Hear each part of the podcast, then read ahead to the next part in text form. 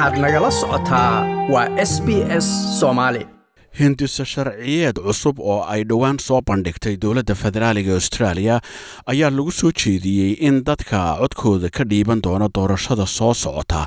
Looga baahan doono in ay keenaan aqoonsi inta aanay codaynin.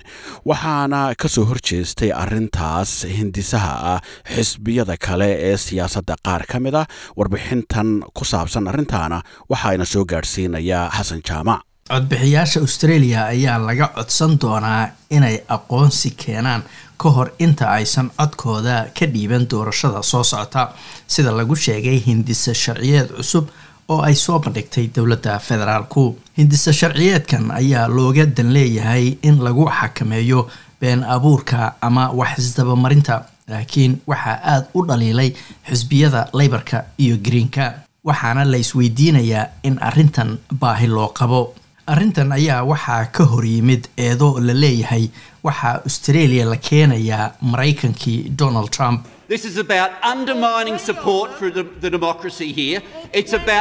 Waa mid lagu wiiqayo dimuqraadiyadda waddankeenna waa mid la mida xeeladii donald trump waana taas waxa dowladdanu ay samaynayso. Kaasi waxa uu ahaa tony borg oo ka tirsan xisbiga leybarka oo ka doodaya sida uu uga soo horjeedo hindisa sharciyeedka baarlamaanka la horgeeyey khamiistii shalay ahayd. Hindisaha dowladda ee loo bixiyey aqoonsiga codbixiyaha ayaa looga dan leeyahay baa la yiri in looga hortago wax isdabamarin dhanka codbixinta ah. Ra'iisul wasaare scott morrison ayaa sheegay inay ka hortegayso in dadka australiyaanka ay dhowr jeer codeeyaan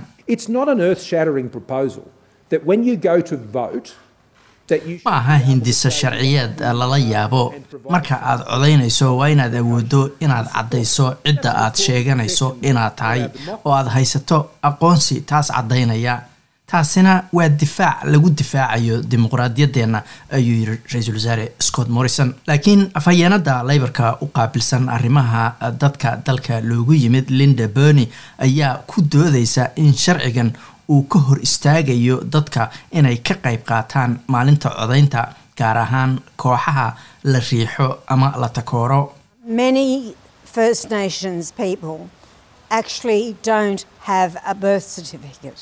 qaar badan oo ka tirsan shacabka qowmiyadda koowaad ee australia ma haystaan shahaado dhalasho. Kamana hadlaya dhowr qof ee keliya ee waxaan ka hadlayaa dad badan oo ay arrintani saameynayso ayay tiri. Leybarka ayaa sidoo kale ku doodaya in sharcigan aan looba baahnayn toddobaadkanna guddiga doorashooyinka australia ayaa dhagaysi sanadka ugu sheegay in dad ka badan laba kun oo qof oo keliya ay hal mar ka badan codeeyeen doorashadii labadii kun iyo lix iyo tobankii. Iyadoo labaatan iyo afar ka mid a loo gudbiyey booliska federaalka laakiin midkoodna aan maxkamad la soo saarin tom rogers. Waxa uu ka tirsan yahay guddiga doorashooyinka australia. Waxay anigayla tahay inaan dalkan australia nahay dad nasiib badan maadaama caddaymaha ah in dadku ay marar badan codeeyeen. Sidaan hore u sheegay ay aada u yaryihiin marka loo fiiriyo dalkani inta uu la egyahay walaaca laga qabo hindiso sharciyeedkan ayaa sidoo kale waxaa la wadaaga guddiga xuquuq bini-aadanka ee australia madaxa guddigan waa rosalin croucher waxayna sheegtay in sumcadda doorashadu ay muhiim tahay laakiin uusan dariiqan ahayn kii loo mari lahaa.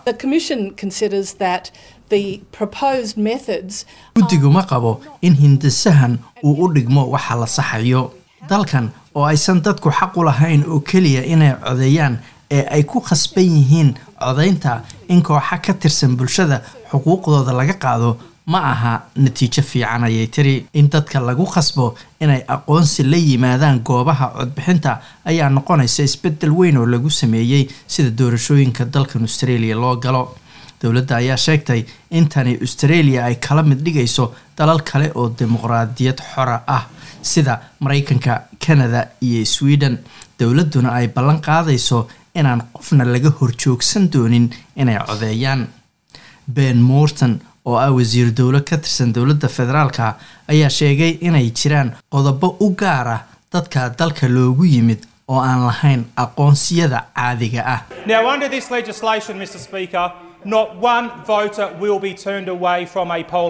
Sida sharcigan ku qoran guddoomiye qofna lagama celinayo goobaha codbixinta. Sharcigan wuxuu dadka indigeneska u ogolaanayaa inay isticmaalaan dukumentiyada ay bixiyaan hay'adaha sida indigenous land councilska waxaa kaloo jira dad kala mid dhigaya hindisa sharciyeedkan nidaamka maraykanka oo lagu sheego ama loo yaqaano cod caburinta laakiin dor kevin bowman oo falanqeeya arrimaha doorashooyinka ayaa sheegay inaysan u badnayn in australia ay ka dhacdo cod caburin hindisa sharciyeedkan ayaa aqalka hoose loogu codayn doonaa fadhigooda soo socda ee dhammaadka bisha noofembar haddii la ansixiyana waxaa looga doodi doonaa aqalka sanadka oo aysan dowladdu ku lahayn aqlabiyad la mid a tan ay ku leedahay aqalka hoose.